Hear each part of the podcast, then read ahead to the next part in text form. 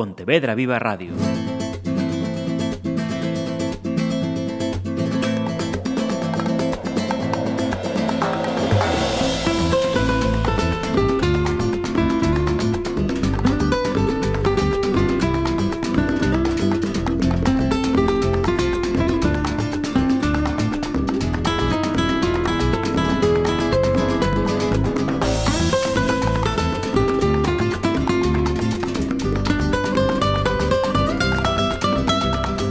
Saludos. Vamos a comenzar este año las tertulias taurinas de las conversas na ferrería con dos invitados y además con dos invitados que tienen mucho que decir. ¿Qué no van a tener que decir los empresarios de la Plaza de Pontevedra? Eduardo y Pablo Lozano, bienvenidos y gracias por dedicarnos este tiempo. Muchas gracias a vosotros. Muchas gracias. Eh, si les parece, o si os parece, si me permitís, os voy Sí, a, os voy a favor. tutear. Perfectamente. Vamos a hacer un repaso a lo que fue la presentación de, de los eh, carteles. Yo creo que con una opinión unánime. Unos carteles de primera mm, para una plaza de, de segunda, ¿no? Sí, bueno, nosotros Pontevedra siempre la hemos tratado en los carteles como plaza de primera, porque ya sabes que nosotros, eh, los lozanes mayores, eh, Pontevedra es la niña, La niña bonita. y entonces es, nos dedicamos por entero a ella. no, no damos nada más que esta feria, la seguiremos dando mientras podamos, y si no aquí la nueva generación seguirá las mismas trayectorias. O sea que encantado y- creo que lleva razón, que este año por... Siempre hemos intentado hacer eh, eh, este ferión, pero es muy difícil los domingos de agosto, con todos los toros que hay en Francia y en España, que puedas conseguir a estos siete, ocho toreros eh, que estén libres, sobre todo los domingos, que estén libres. Sí, son los- los domingos, las semanas fundamentales de la es temporada. Es, muy difícil. Para eso hemos tenido que madrugar bastante. Eh, estamos muy contentos, de verdad, con la feria que hemos organizado y yo creo que este va a ser el principio de la nueva, de, que- que la Plaza de la Peregrina se parezca a las clásicas ferias que hemos estado dando de carteles de no hay billetes y demás. Creo Porque- que este es el principio de volver a ello. Eh, decía, va- vamos a recordar los nombres. Domingo 5, el Juli Manzanares Roca Rey con toros de Alcurucén. Sábado 11, eh, toros de los Espartales para Diego Ventura. Virgen María para Antonio Ferrera y el Fandi. Y el domingo 12, toros de Daniel Ruiz para Morante, Talavante y Cayetano. Y volviendo a esa frase que decía eh, Eduardo, em, en otro, hace unos años, antes de, de la crisis, estos hubieran sido unos carteles de no hay billetes. De no hay billetes cinco o seis días antes. Cinco o seis días antes. Pero la crisis ha sido muy dura, eh, o sea que eso eh, no, no, lo, no lo hemos notado nosotros, lo han notado todas las empresas en sus diferentes negocios. Y esperemos que ahora ya, después de 8 o 10 años, que esto vuelva a resurgir y no vayamos para arriba otra vez. Eh, hay ferias en las que los, eh, los empresarios eh, han hablado ya de, de, datos más optimistas de, de los que se venían eh, produciendo. Pontevedra, ¿por qué le está costando más? ¿Qué, qué- qué está pasando? económica, que hay una crisis económica y, y cuando ocurre eso, los festejos de ocio y demás son los más perjudicados. O sea, tú no puedes, tú te quitas de ir a los toros antes de cosas necesarias para la familia y para el bienestar de tu casa. y, y así yo no le echo más culpa que a eso. No. Y con todo y con eso, eh, Pontevedra se ha defendido. Es que, es que en otras plazas ha sido un desastre mayúsculo.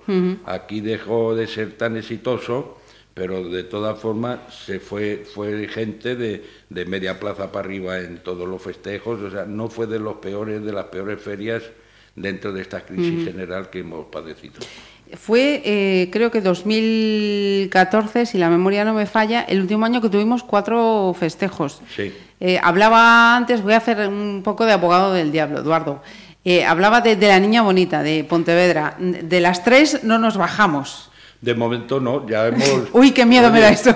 Si hemos, si hemos, si hemos aguantado la crisis, pues creo Malo yo- será, ¿no? Virgencita yo que me de- quede como que estoy. de las tres no, No nos vamos a bajar. Esa podemos decir que esas están aseguradas. Oye, si no viene una crisis más grande que no, que Ay, no crucemos, espero, crucemos, ¿no? Que crucemos los, los dedos. los dedos, efectivamente. Y, y de aquellos años en que Pontevedra salía en las televisiones y con los malos tiempos que corren los toros en la televisión, volveremos a, a verlos. Hemos estado a punto este año, Sí. de- hemos estado a punto, pero pa- nos la han prometido ya para el año que viene.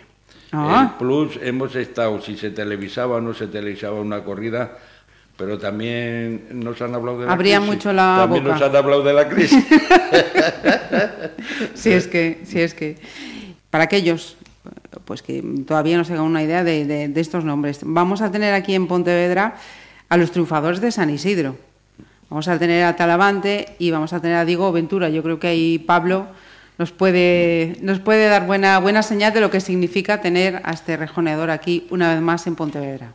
Bueno, pues yo creo que, que Diego está haciendo historia, ¿no? Es una historia además que, que- que dentro del escalafón de rejoneadores, que tiene nombres muy importantes, pero el de Diego yo creo que en estos momentos es, eh, yo digo, el número uno. Número uno por varios motivos. El año pasado, por ejemplo, es el primero que indulta un toro en una plaza que fue en Murcia. Eh, es un torero que lleva 10 puertas del príncipe.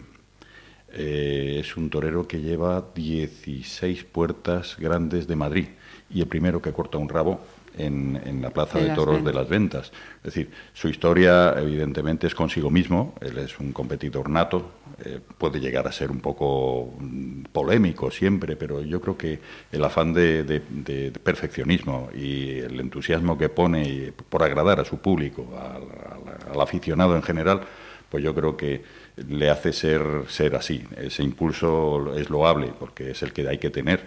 Y bueno, estamos en este año, que es un año muy especial, donde, donde tiene una cuadra creo que maravillosa. Creo que decir, lo, lo más, una de las cosas más complicadas de un rejoneador es confeccionar una cuadra eh, como la que tiene ahora mismo Diego. Diego, incluso estamos con, el, con el- la historia de eh, hacer una corrida con seis toros en Madrid. Para eso necesitas una cuadra tan amplia, pues a lo mejor de 25 caballos, por ejemplo, que es lo que tiene en este momento en toreo. O sea, su momento es histórico y evidentemente el que pueda venir a, a- a Pontevedra, pues eh, es el número uno. Sin duda, los resultados están, están ahí, lo mismo que con Talavante.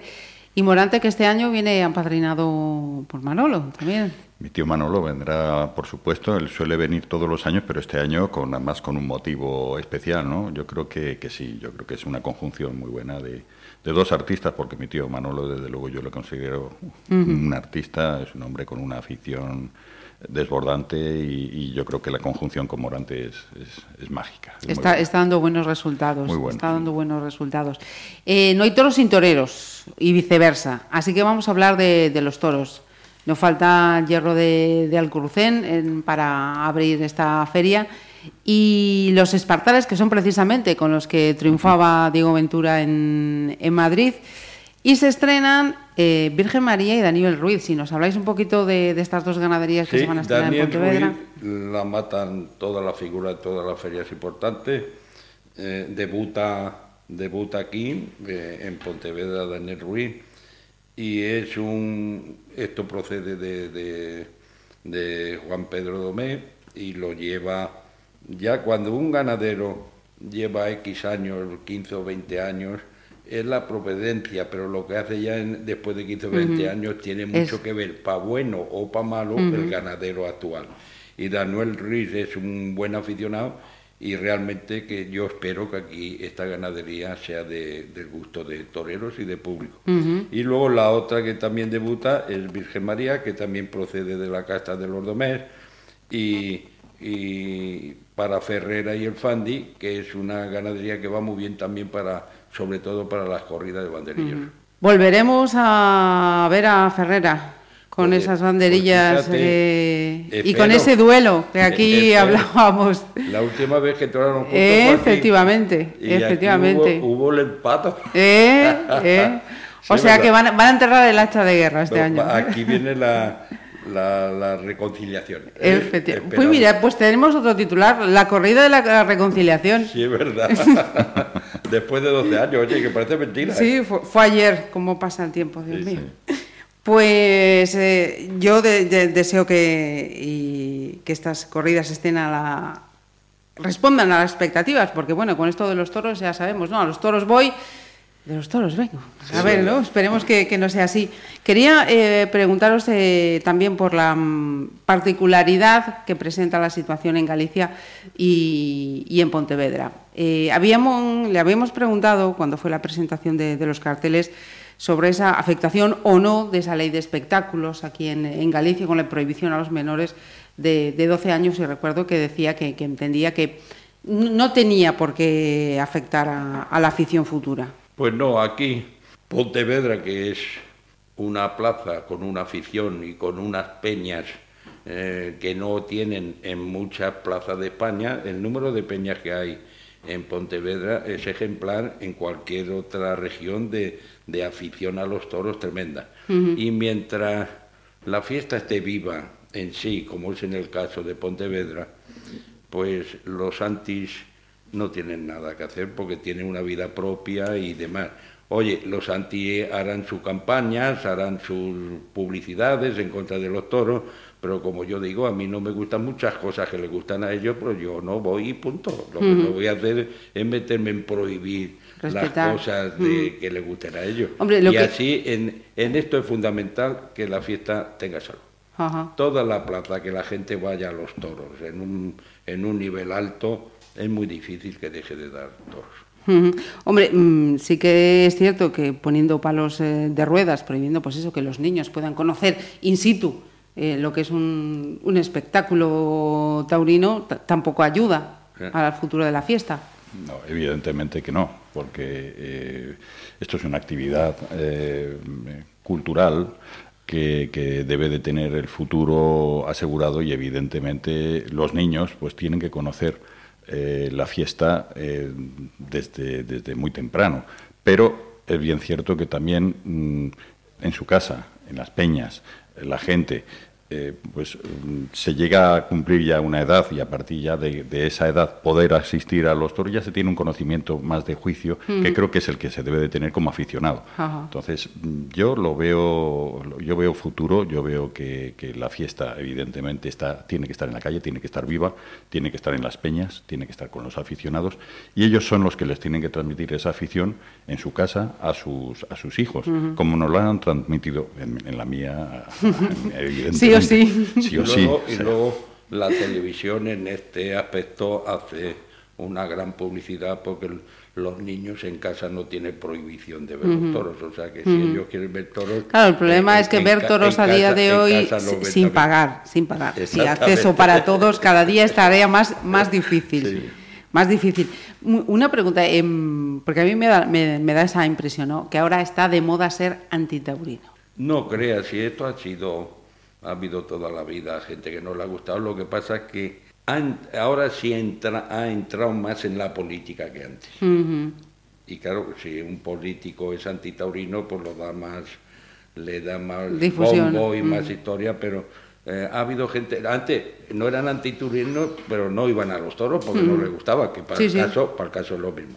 Pero claro, ahora ya no es solo los toros, ahora ya son los animales, es que ahora van a ser más, más importantes los animales que las personas y tampoco tampoco es el caso. Es cuestión de, saber si uno, si uno es, yo, yo creo que también es una cuestión de, saber conceptos, ¿no? Claro. Si uno es humanista, si uno es animalista, qué es el ser animalista. Saber dónde está cada uno sentado, ¿no? Y qué es, lo que defiende. Ser animalista y ser ecologista no es lo mismo. Efectivamente. ¿Eh? Entonces, eh, ecologismo es, eh, digamos, la, suerte natural de todas las especies en un entorno.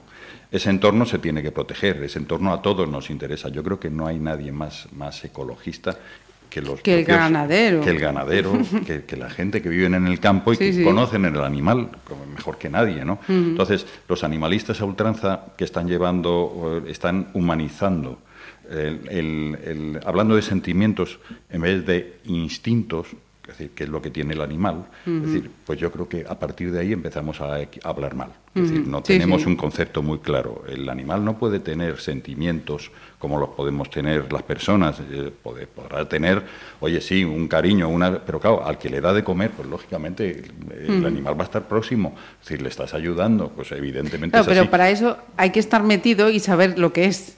No se puede criticar desde fuera y, utilizar Además, la esto sería aplicable, pues, eh, a esa sensación que tenemos entre el hombre y el animal, pues en la caza, en la pesca, en, lo que comemos, cómo lo comemos. Quiero decir, empezamos a tocar todas las tradiciones, empezamos a tocar el campo, empezamos a tocar la relación que el hombre eh, tiene natural con eh, su entorno natural y empezamos a desvirtuar aquí todo eh, sin, sin por, una ética, entre comillas, que, falta de conocimiento. estamos en una tierra que yo creo que un animal que sufre es la pesca y nadie pensamos que sufre tanto y nos lo comemos tan tranquilamente en el plato. O sea que claro, teniendo en cuenta el, sufrimiento, entre comillas, lo que, decía Pablo, ¿no? No hay, como dice Pablo, no hay que desvariar de las cosas. Y luego, además, una cosa, la ganadería brava, si no hubiera toros, desaparecía. o sea, esta raza... desaparece y un espacio protegido que es la de esa. protegido con mucha economía porque son muchas fincas, mucha gente que depende de, o sea que la economía también eh, invierte en la fiesta de los toros, se mueve muchísimo. Sí, sí, sí, cada ganadería, cada dehesa es un parque natural, solo que en vez de costarle al resto de los españoles lo subvenciona o lo mantiene el ganadero. Entonces, ¿quién vive alrededor del toro? Pues un espacio natural virgen, no se fumiga, no se caza es decir, hay en ese entorno natural eh, una cantidad de especies hoy protegidas que están en los parques naturales, tienen una gran población en, las dehesas a costa del ganadero y del aficionado, en definitiva, de que el toro exista y que tenga ese espacio. Es decir, bueno, si eso hay que quitarlo, llegará el momento en el que empezaremos a, cambiar nuestros propios paisajes. No podrán ser los mismos. Eh, aquí en Pontevedra, los días de corrida vienen tres y cuatro mil personas de fuera, que entra una cantidad de riqueza. Hicimos, hicimos un programa hace dos temporadas sobre el impacto económico que, tenían las corridas de toros en para. Si no se hicieran corridas de toros y nos dieran una carrera ciclista eh, en los restaurantes y demás. El impacto económico no va a ser el mismo. unido a la riqueza y a la demás. No es, por eso es tan difícil donde haya afición. ¿eh? O sea, las plazas donde no hay afición se caen por sus propios pesos, porque deja de ir gente, deja de ir terminando tanto todo. Quería también eh, plantear en esta charla eh, una entidad que ha surgido en el último año, la Fundación Toro de Lidia. Desde la Casa Lozano, eh, ¿cómo ven esta iniciativa? Pues importantísima, porque la Fundación surge con dos, dos premisas. Una es la defensa jurídica, sobre todo ahora con las redes sociales y demás, donde mm, francamente yo creo que, la legislación, no solo por el tema de los toros, sino en general, debiera tomar cartas en el asunto porque se, se ven y se leen una serie de cosas que me parece que rayan lo inconcebible. O sea, es una falta total yo no sé si de humanidad o de respeto o de educación. O de todo un poco. De, todo un poco, ¿no? Entonces, ante eso, y ha habido casos muy, muy, muy claros eh, en el tema de con, Víctor Barrio o con el niño Adrián, en fin, donde se han dicho barbaridades, y es ahí cuando la Fundación interviene a nivel jurídico para perseguir y para, y para judicializar un poquito el tema de que, de que no todo es permisible. No todo vale. Exactamente. Eh, eso por un lado. Por otro lado también lo de la difusión de la fiesta, una difusión a nivel cultural, a nivel social, donde realmente los toros sean una parte más del paisaje de, que, podemos tener. y, yo creo que en ese sentido esas dos premisas son fundamentales. Mm, todo el sector taurino, evidentemente, estamos apoyando y, lógicamente, es un, un, órgano que nos tiene que representar y que tiene que hacer valer eh, nuestra, nuestra defensa ante la sociedad. Y, en esta eh, tesitura, desde mi modesto punto de vista, yo creo que todas las partes eh, tenemos nuestra cuota de responsabilidad. Los aficionados, porque como bien escuchaba estos días en un programa de televisión, se hace afición yendo a la plaza y ahí es como tiene que responder el, aficionado. Pero también responsabilidad de la parte empresarial, de, apoderados, de toreros. ¿Dónde cada uno tenemos que poner nuestro, nuestro acento o nuestra cuota de, de corrección para que esto siga, siga tirando? Yo al aficionado no le pediría otra cosa más que sea, siga siendo aficionado y que evidentemente mm, el resto de, las, de los toreros le demos motivos para que sea aficionado. Evidentemente hay que el espectáculo tiene que emocionar, eh, se tiene que ver rigor, se tiene que ver seriedad, se tiene que ver las cosas bien hechas y eso es lo que en la parte que compete a, tanto a, los empresarios, a los ganaderos, el empresario. El empresario es el epicentro de la fiesta. El empresario tiene que defender los intereses del público ¿eh?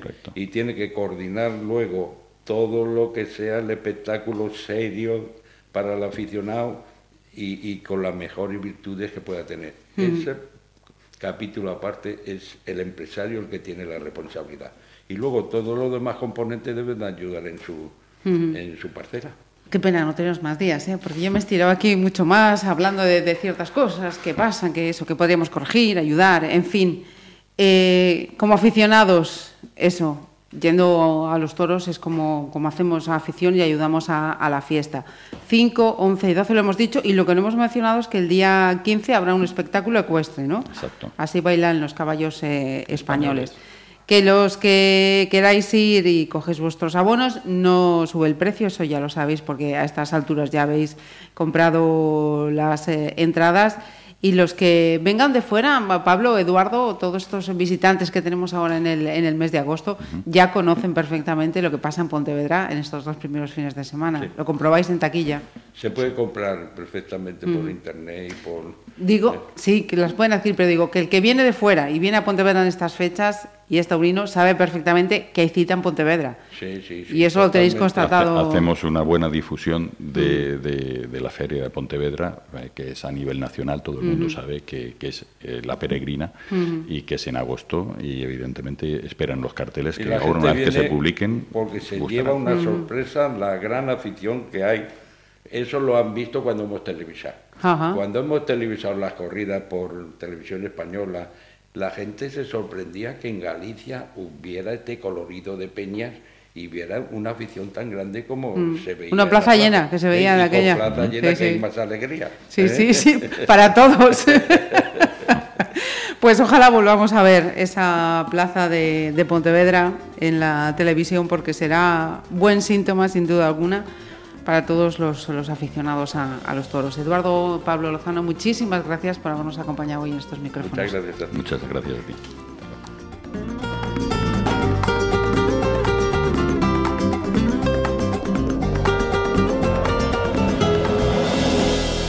Y una vez que hemos eh, charlado un ratito con los empresarios mm, del costo de San Roque, nos vamos a ir a la parte puramente técnica y a los dos nombres eh, que en esta feria van a ejercer como asesores del presidente.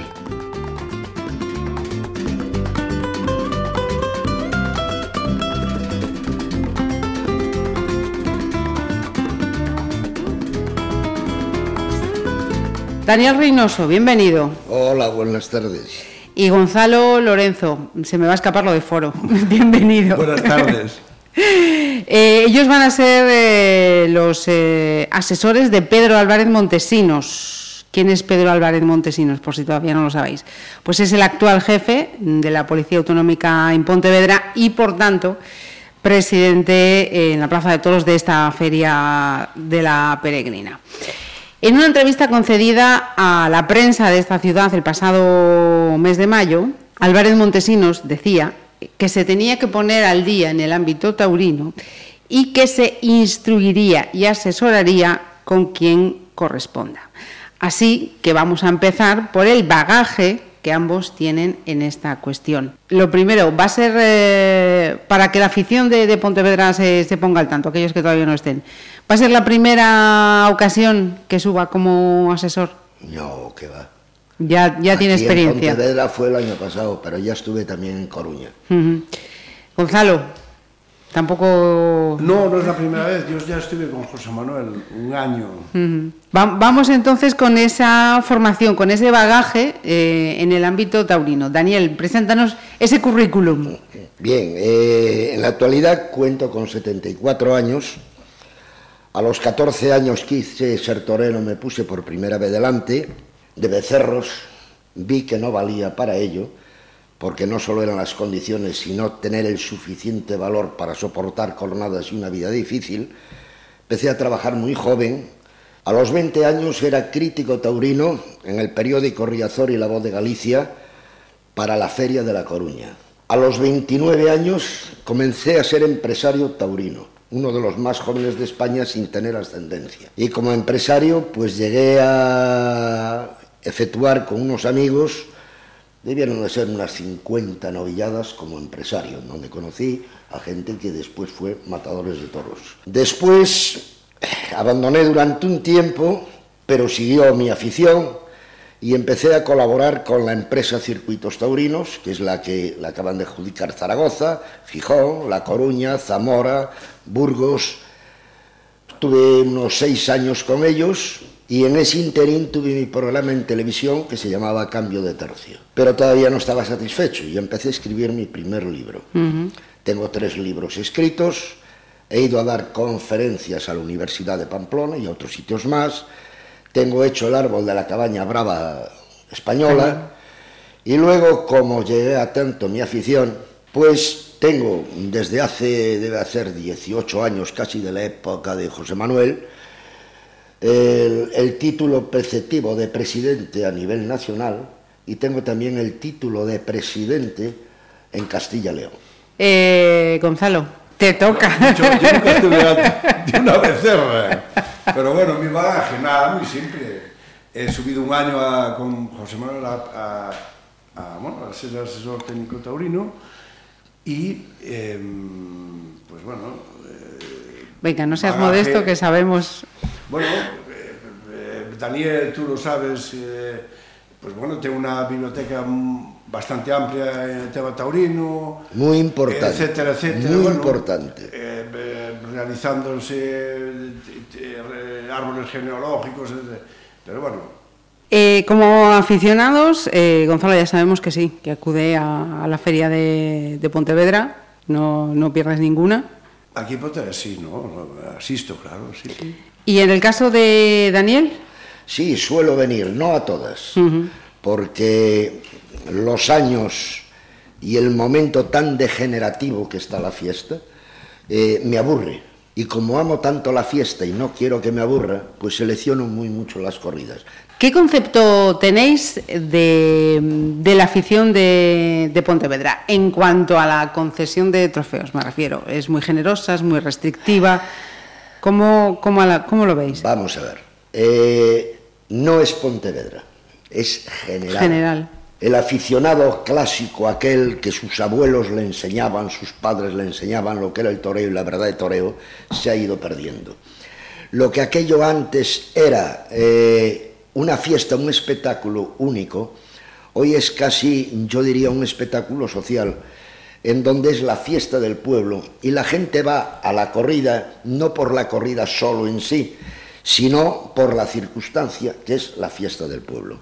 Por eso yo, bajo ningún concepto, me atrevo a opinar ni a juzgar de ninguna afición. La gente va para divertirse y en función a sus conocimientos mayores o menores expresa una opinión. Que ésta sea acertada o no sea acertada es otro punto completamente distinto. No todos han tenido la suerte de que han tenido padres o abuelos que les han enseñado continuamente lo que es el toro y el mundo del toro. Pero es que además, si nos referimos, y creo que te estás hablando por eso, las segundas orejas, las Iba, iba a decir, replanteo la pregunta entonces, ¿son acertadas o no son acertadas las peticiones de trofeos? Bien, ellos, el público, puede pedir lo que le dé la real gana, que para eso paga. En cuanto a la concesión de la primera oreja, la concesión de la primera oreja es privilegio único y exclusivamente del público y que el presidente la habrá de conceder sin paliativos de ninguna clase. Pero esto no ofrece lugar a dudas, porque todo lo que hablamos, no solo de la primera oreja, sino de la segunda oreja, esto está completamente reglamentado. Y conociendo el reglamento, no hay más que llevarlo a cabo. El problema estriba cuando hay que conceder la segunda oreja. La segunda oreja es potestad única y exclusivamente del presidente, bien porque él tenga los suficientes conocimientos o bien porque se apoye en su asesor. Pero es que para conceder la segunda oreja hay que tener en cuenta cinco puntos claves que a lo mejor el público los ignora y están marcados tasativamente en el reglamento. El primer punto dice que habrá de seguir siendo la mayoría del público el que pide la segunda oreja, pero no acaba aquí. El segundo punto es valorar las condiciones de la res, si es mansa, brava, encastada, para luego poder evaluar si el torero estuvo a la altura de las condiciones de la res, por abajo o por encima. Hay un tercer punto delicadísimo que dice el reglamento. La lidia desarrollada en los tres tercios. Y lidiar no es torear. Torear es una cosa y lidiar es otra. Queremos decir que no parezca una vulgar capea. Cuando el matador lleva el toro al caballo, tiene que dejarlo bien colocado y si ha sido mal picado tiene que retirarlo para volverlo a colocar en suerte, que en banderillas no sea un desbarajuste y si el toro tiene peligro y los subalternos no lo están llevando bien, él tiene que coger el capotito y ponerlo en el suerte. Porque toda la responsabilidad de lo que le haga el picador al toro o lo que le hagan los banderilleros al toro es responsabilidad única y exclusivamente del matador, no de los subalternos. Hay un cuarto punto. El cuarto punto es la faena realizada al toro. Hablamos ya de torear, pero es que torear es ponerse dentro de la rectitud, no fuera de la rectitud. En lugar de echar el toro a la cadera, echárselo para afuera, es como un carmen donde le va restando puntos. Sí, sí. No solo eso, en lugar de vaciar el toro por arriba, de vaciarlo por abajo, vaciarlo por arriba, citar fuera de la rectitud, que el recorrido del pase, en lugar de ser en línea, tiene que ser en redondo, todo eso es lo que hay que analizar. Y no solo eso, si a la hora de citar y hacer el recorrido, el torero está escondiendo la pierna de salida. Es decir, si el toro te entra por el lado izquierdo y te sale por el derecho, la pierna derecha hay que tenerla adelantada que es la de la salida. Con esto, coger el toro adelante y llevarlo durante todo el recorrido, no atrás, porque llevándolo desde adelante de todo, te estás jugando las tripas ante los pitones. Y luego, por último, y dice el reglamento, y fundamentalmente la estocada, no es en donde cayó el estoque, ni si tiene más o menos profundidad, es como se ejecutó el acto de ir a matar, que son cuatro tiempos. Lo, lo, el de verdad es echarle la muletita a las pezuñitas, traerse el toro y vaciarlo como si fuera un pase cambiado, hacer lo que se le llama la cruz y tus pies en el suelo. No vale eso de echarle la muleta a la cara y pegar un salto para salirse de la suerte. Eso es mentira y trampa, a lo que estamos completamente habituados. Y tenemos que tener en cuenta una cosa, que los aficionados van a la corrida para divertirse y se manifiestan. Sin embargo, presidente y sus asesores van para evaluar y juzgar. Aparte de eso, el cargar la suerte, que lo tenemos discutido, cargar la suerte, que mucha gente está equivocada, cargar la suerte no es echar la pata adelante antes de que el toro inicie el viaje. Es decir, cuando inicia el viaje es cuando se carga la suerte. De ahí está lo difícil, es decir, porque si tú cargas la suerte antes del inicio del viaje, le tienes trazado el, camino. Otra cosa es que tú cargues cuando el toro inicia el camino, no tienes trazado el viaje. Eso es lo difícil. Son dos cosas. Una cosa es cargar la suerte. Eso es mm, excepcional. Una cosa es cargar la suerte y otra es torear con el compás abierto. Son dos cosas distintas. Álvarez Montesinos decía en ese encuentro en la prensa que tenía asumidos ya los abucheos y los silbidos. ¿Vosotros también? La responsabilidad indudablemente siempre cae con el presidente, ¿no? ¿Por qué motivo? Porque depende plazas. Eh, hay plazas en que por suerte los, los presidentes ya casi no necesitarían ni de asesores, porque son grandes aficionados y tienen conocimiento. ¿Qué es previsible? La bronca, pues es muy normal. Dirás tú, ¿y por qué es muy normal? Lo acabo de explicar hace la no, Aparte de lo que expliqué, hay la mediatez de los toreros. Hay toreros que cuando inician el paseillo ya llevan una oreja en el esportón. Cierto. No pasa con los noveles que están haciendo. La prueba la hemos visto el año pasado en Pontevedra, que hemos tenido carteles de nombre, el Juli, Rocarrey, etcétera, etcétera, y no se le dio importancia a dos toreros que venían de Madrid de Puerta Grande, Ginés y Juan del Álamo. Y del Álamo. Sí, sí. Para que veas lo que son las grandes diferencias. Claro, esto ya no es de ahora, hablamos de la época de Jesulín, Francisco Rivera, con la mediatez que tiene la prensa es muy importante. Y luego influye mucho la plaza. La plaza más fácil para presidir, la más fácil de todas, es Madrid, porque el, el propio público, ya cuando el torero no está dentro de la rectitud o está haciendo las trampas, ya le está pitando. Por eso, presidir en plazas no solo Pontevedra, eh, sino Ávila, cualquiera de ellas, incluso hoy Sevilla es una pitanga, eh, es muy difícil. Mm, a lo mejor soy duro diciéndolo, pero es la falta de conocimiento del aficionado, lo que te decía antes, que lo ve como una fiesta, y en el toro no es pegar 100 pases, 200 pases ni 300 pases, es una faena sólida, completa, y 20 pases bien realizados son harto suficientes.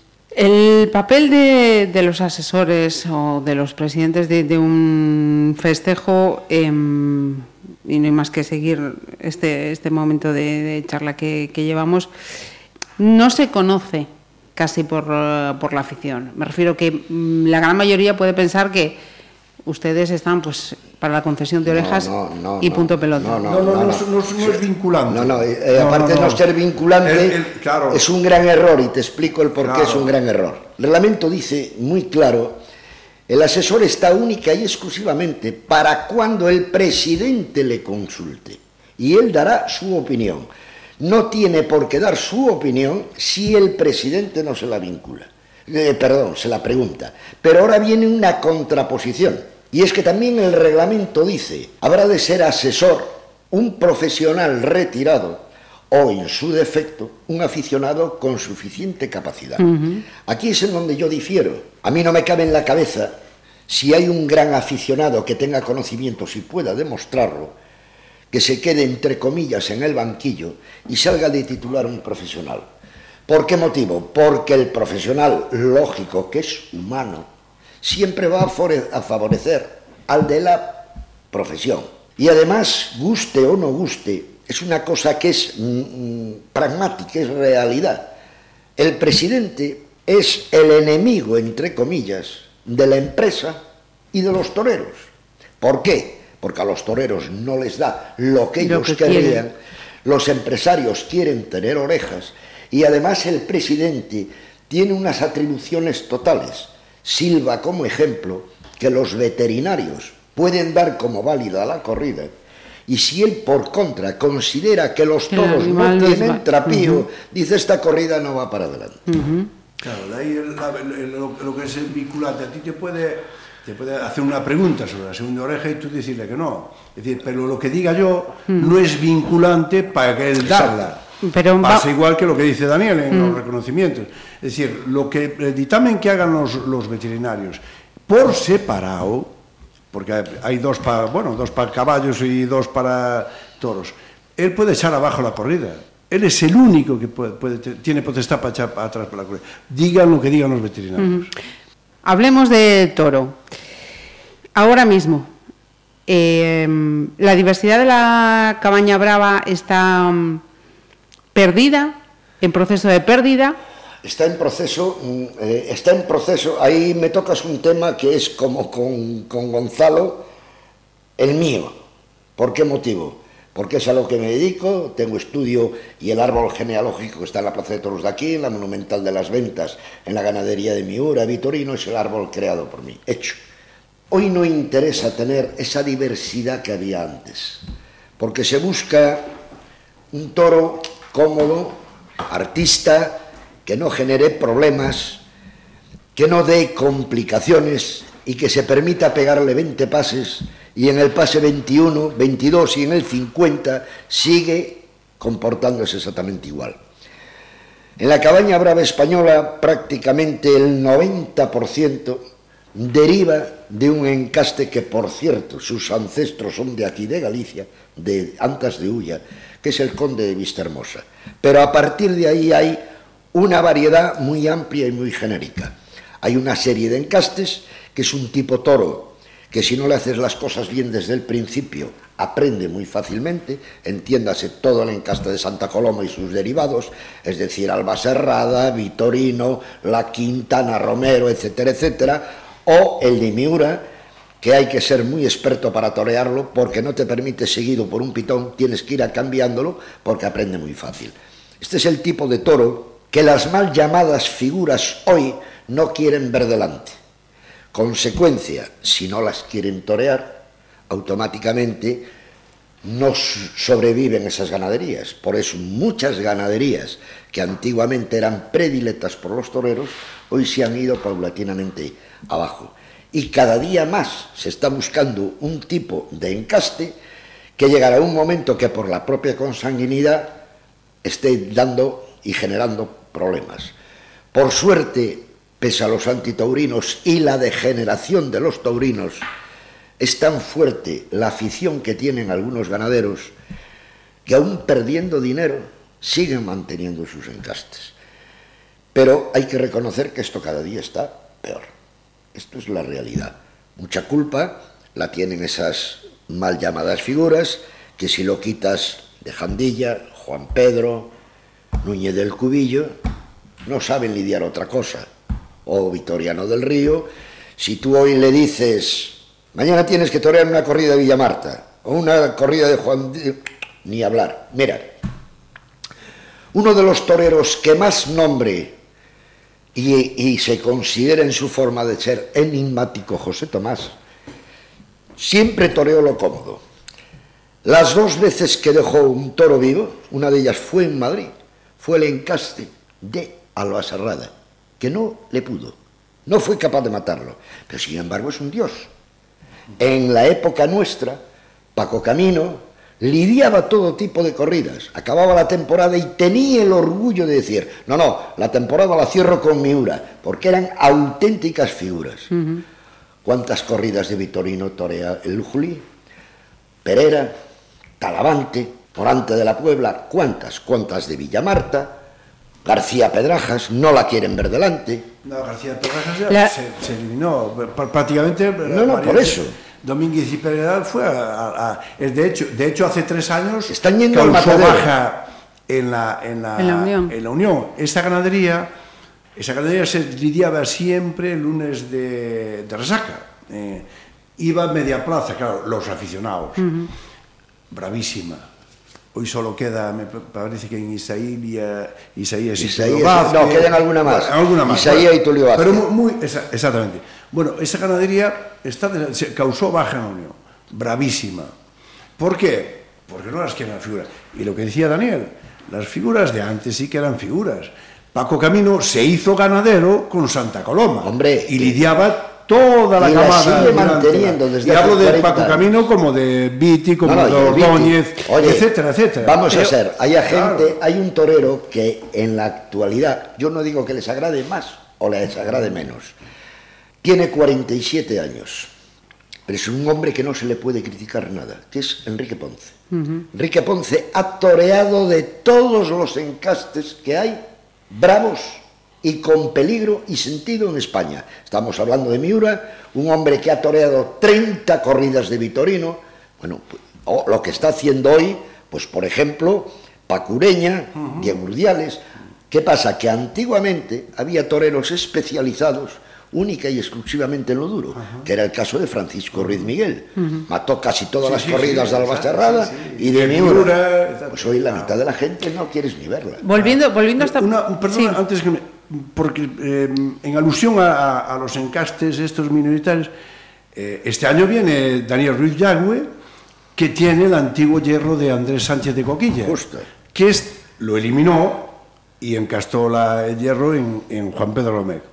Porque lo de el Coquilla antiguo no hierro de Coquilla, nadie. que era una de las ramas de Santa Coloma. Justo. Ajá. Y viene el hierro, no con la sangre antigua. Volviendo a esa, a esa pregunta de, de la diversidad de, de la camaña brava, eh, eh, ¿es responsabilidad única de, de las figuras o hay más culpables? No, no, no, no. El único culpable, el único es la figura. Tú tienes un comercio y vendes calidad y tienes tu precio, pero llega una persona al lado que tiene lo mismo en presencia, pero no Pero en calidad. comportamiento ni en calidad. Y resulta que el de calidad te da problemas, el otro no te da problemas. ¿A cuál escoges? Como mandan las figuras, esto es muy fácil. El empresario contrata a un torero y le dice, tengo estas ganaderías para la feria. El torero le dice, me parece muy bien. Mira, tengo esta de Santa Coloma, no. Tengo esta de la Serrada, no. Tengo esta de la Quinta, no. Tengo esta línea de Juan Pedro, sí. Y una vez que tiene eso, aún no les llega. Mandan al veedor. Y el ganadero tiene separadas sus dos corridas o tres para distintas plazas. Pero llega el veedor del torero y dice, no, aquel toro me lo tienes que quitar, porque está muy abierto. No, aquel tiene, se fija mucho, hay que cambiarlo por otro. Esta es la degeneración que estamos soportando. Guste o no guste, no culpemos solo a los antitaurinos, porque si la fiesta tuviera la está. pasión que tenía antiguamente, no pasaba nada. Hemos mencionado varias veces en esta charla y la palabra reglamento, reglamento taurino. Yo quería preguntaros también por esa cuestión, porque si no me equivoco, me corregís, el que está en vigor, el reglamento taurino general sin entrar en comunidades, es eh, del 96. Justo. Vale. Hay comunidades que han empezado pues, a plantear, de hecho están debatiendo un- una reforma, un nuevo reglamento taurino. Andalucía creo que lleva casi un año con ello. Y mm, yo me, os pongo como referencia a Andalucía mm, un poco como termómetro, ¿no? Eh, en esas eh, conversaciones que se están manteniendo, en las que parece que cada uno está defendiendo su parcela y, y nada más, los toreros dicen, o llevan diciendo, que es necesario restringir las funciones del presidente a la ordenación del festejo y a la concesión de trofeos Claro. de forma que sea igual que en Francia, primera y segunda la Claro, determina el público, y proponen un plan de formación para los presidentes y un régimen de responsabilidades por las consecuencias lesivas de sus Sí, decisiones. Te lo acabo de decir, Marisa. Son los enemigos. Tú hazte a la idea que caiga esto en manos de ellos. ¿A quién les van a dar las orejas? Eh, Perdón un segundo, ¿eso cuándo salió? ¿Salió ahora estos días? No, Esto ya lleva- esto ya tiempo, sí, esto ya es de finales del año...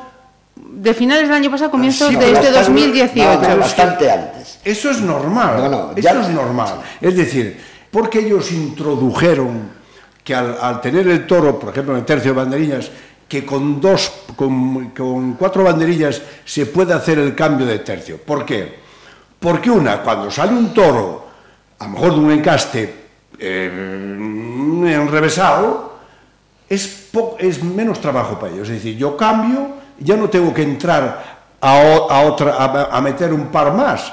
Es decir, me ahorro. ¿Por qué? porque solo cuartean, é dicir, non saben hacer, hacer recursos antiguos, como na época de Joselito, yo que sea, a Topa Carnero, a relación de un, de un capote, non lo saben hacer. Mm. Como solo saben cuartear, pues claro, hai que evitar el tema. Hay y una bueno, cosa pues ahí que estamos. Es, hay una y cosa... terminarán, terminarán consiguiendo, pues eso, que, que el presidente eh, no pinte nada, Otro dato eh, preocupante, me, me pareció a mí cuando, cuando lo había ah, leído, eh, volviendo a esta reformulación del reglamento en, en Andalucía, que, que digo, puede ser un sentir de lo que, de lo que puede pasar en otros sitios. Eh, los ganaderos, en, en esas eh, reuniones que mantenían, pedían responsabilidad sobre la integridad de las reses frente a la manipulación de las astas y la alteración del comportamiento de la res mediante la administración de sustancias. Mira. Que esto se ponga sobre la mesa significa que es más frecuente de lo que el aficionado... Pero si no tenemos que darle vueltas, es que volvemos a lo mismo. Pero quiero dejar constancia de es ello, que Daniel. Está reglamentado actualmente. No hay quiero otro reglamento. Está reglamentado actualmente. Que no vengan con rollos patateros. Mira, el problema es lo siguiente. El problema es que se afeita un toro, automáticamente se llevan los, las astas a hacer la pertinente comprobación y creo recordar, no te lo puedo atesiguar porque no me sé de todo la ley ni el reglamento, pero más o menos en la primera sanción a un ganadero que ha afeitado es seis meses en lidiar y creo que son cuatro mil, cuatro mil, no euros, porque a uno se hizo el cambio cuatro mil, veinticinco mil pesetas de multa. Estamos hablando de 150 euros. ¿Qué le preocupa a un ganadero o a un torero que le coja una res si aprovecha los seis meses sin lidiar en el invierno? Y eso es lo que vale la cuarta parte de un toro. Si por contra la multa en lugar de ser 25.000 pesetas fueran 250.000 euros y fuera un año sin lidiar y a la tercera vez no poder ejercer en su vida como ganadero, otro gallo cantaría. Por eso. Claro, los ganaderos dicen que las responsabilidades sean compartidas con empresa y con toreros. Y que, no recaiga sobre no, ellos. No, es que se lo quieren eliminar. ¿Cuál es el motivo? Mira, una anécdota. Había un ganadero que marca una pauta en Salamanca, que era Graciliano Pérez Tabernero. Cuando le vino un torero, o el leedor de un torero, para ver los toros de la corrida que se iba a lidiar en Pamplona, le dijo, es que aquel está... Hijo, mire, sálgase usted de mi finca, porque usted aquí no pincha ni corta. Y el día que yo no pueda designar los toros que yo voy a mandar a una plaza, dejo de ser ganadero, que fue lo que hizo. Finito. No todos son como él. ¿Por qué? Hay ganaderos que se podían permitir, porque tienen fincas y demás, no tienen bravo y pueden subsistirlas. Pero ¿quién lo ha buscado solo como tal, si no le matan las corridas que quieren los figuras, uh -huh. esto se va al tacho. Por lo tanto, ¿qué es lo que tratan con esto? Responsabilidad con el torero. ¿Por qué? Que sean los responsables ellos de decir, no, yo para tal plaza mando esta corrida. Si usted no la correa, ni yo la mando, pues me quedé sin ella. Pero es que aquí es quienes mandan y no le demos vueltas. Es como la pescadilla que se quiere morder la cola. La culpa tasativa es de cuatro o cinco figuras que exigen. No exigen Pacureña, no exigen Diegurdiales porque no tienen fuerza. Y tenemos que ser claros los que aquí exigen. El Juli, Talavante, Miguel Ángel Pereira, José María Manzanares, esos son los que dicen, quiero esto y este gato. Si usted no me pone este gato, exceptuando Madrid en la plaza, yo no le voy. no le demos más vueltas. Pero eso de la corresponsabilidad. No le demos más vueltas. Sí, sí, Daniel. Eso de la, cor la corresponsabilidad. Eh, eh, hay un libro que lo tengo yo en casa de Dolores Aguirre Ibarra. Eh, claro, Dolores Aguirre. Y, y no, no, no, era por una plaza de primera, era por una plaza de sur. No, no, no recuerdo. Y claro, fue el mayoral. Bueno, pues al mayoral, eh, la empresa, bueno, lo invitó a cenar de noche y tal. tal. Al día siguiente esa, esa corrida estaba afeitada. Claro, el consiguiente disgusto, porque era una ganadera eh, uh -huh. íntegra. íntegra, claro, le dijo al mayoral, usted no vuelva a ir de cena con nadie, usted se queda a la plaza eh, vigilando los toros. Uh -huh. Con eso te quiero decir la corresponsabilidad de que si yo mando a un, a, al, al, al mayoral y de noche me lo invitan, me lo emborrachan, no sé qué, ¿no? y me afeitan los, los toros, coño, ¿qué responsabilidad tengo yo? ¿Qué responsabilidad tengo yo? es que eso todo está marcado y además es el mayoral el que tiene que estar con los toros. Sí, claro, está marcado, es que está... pero parece que hay muchos intereses para que el reglamento se cambie. A ver, la pregunta es, como aficionada, ¿hacia dónde? Y si, como he leído también, ¿cuál es la intención? ¿Rebajar la, la dureza de las corridas? ¿Nos vamos a poner en el bando contrario? ¿Pero qué dureza tienen las corridas? Vamos no, no, yo, yo, yo, no lo pregunto. Es lo que estoy leyendo y lo que me preocupa. Vamos a, Daniel. Mira, vamos a ver. El toro de Lidia, por su constitución morfológica, es el que más, el animal que más tolerancia tiene al dolor. Es prácticamente insensible. Lo dice el reglamento. El toro tiene que salir íntegro si no sale íntegro, es un fraude ya no digo al aficionado, al que paga, que a lo mejor no entiende de eso, es un fraude. Entonces, tendrá culpa pues el empresario, el ganadero, el, el, la figura, o torero, inclu, y el presidente. Uh -huh. Porque usted no puede dar un espectáculo con un toro afeitado, es decir, o, o, todos afeitados, es decir, está infringiendo el reglamento y la ley. Es decir, es un delito grave, uh -huh. grave no, muy grave, si usted está metiendo un toro afeitado. Ya no digo todos, sino uno. Eso es un fraude. Vamos a ser sinceros si somos aficionados de verdad.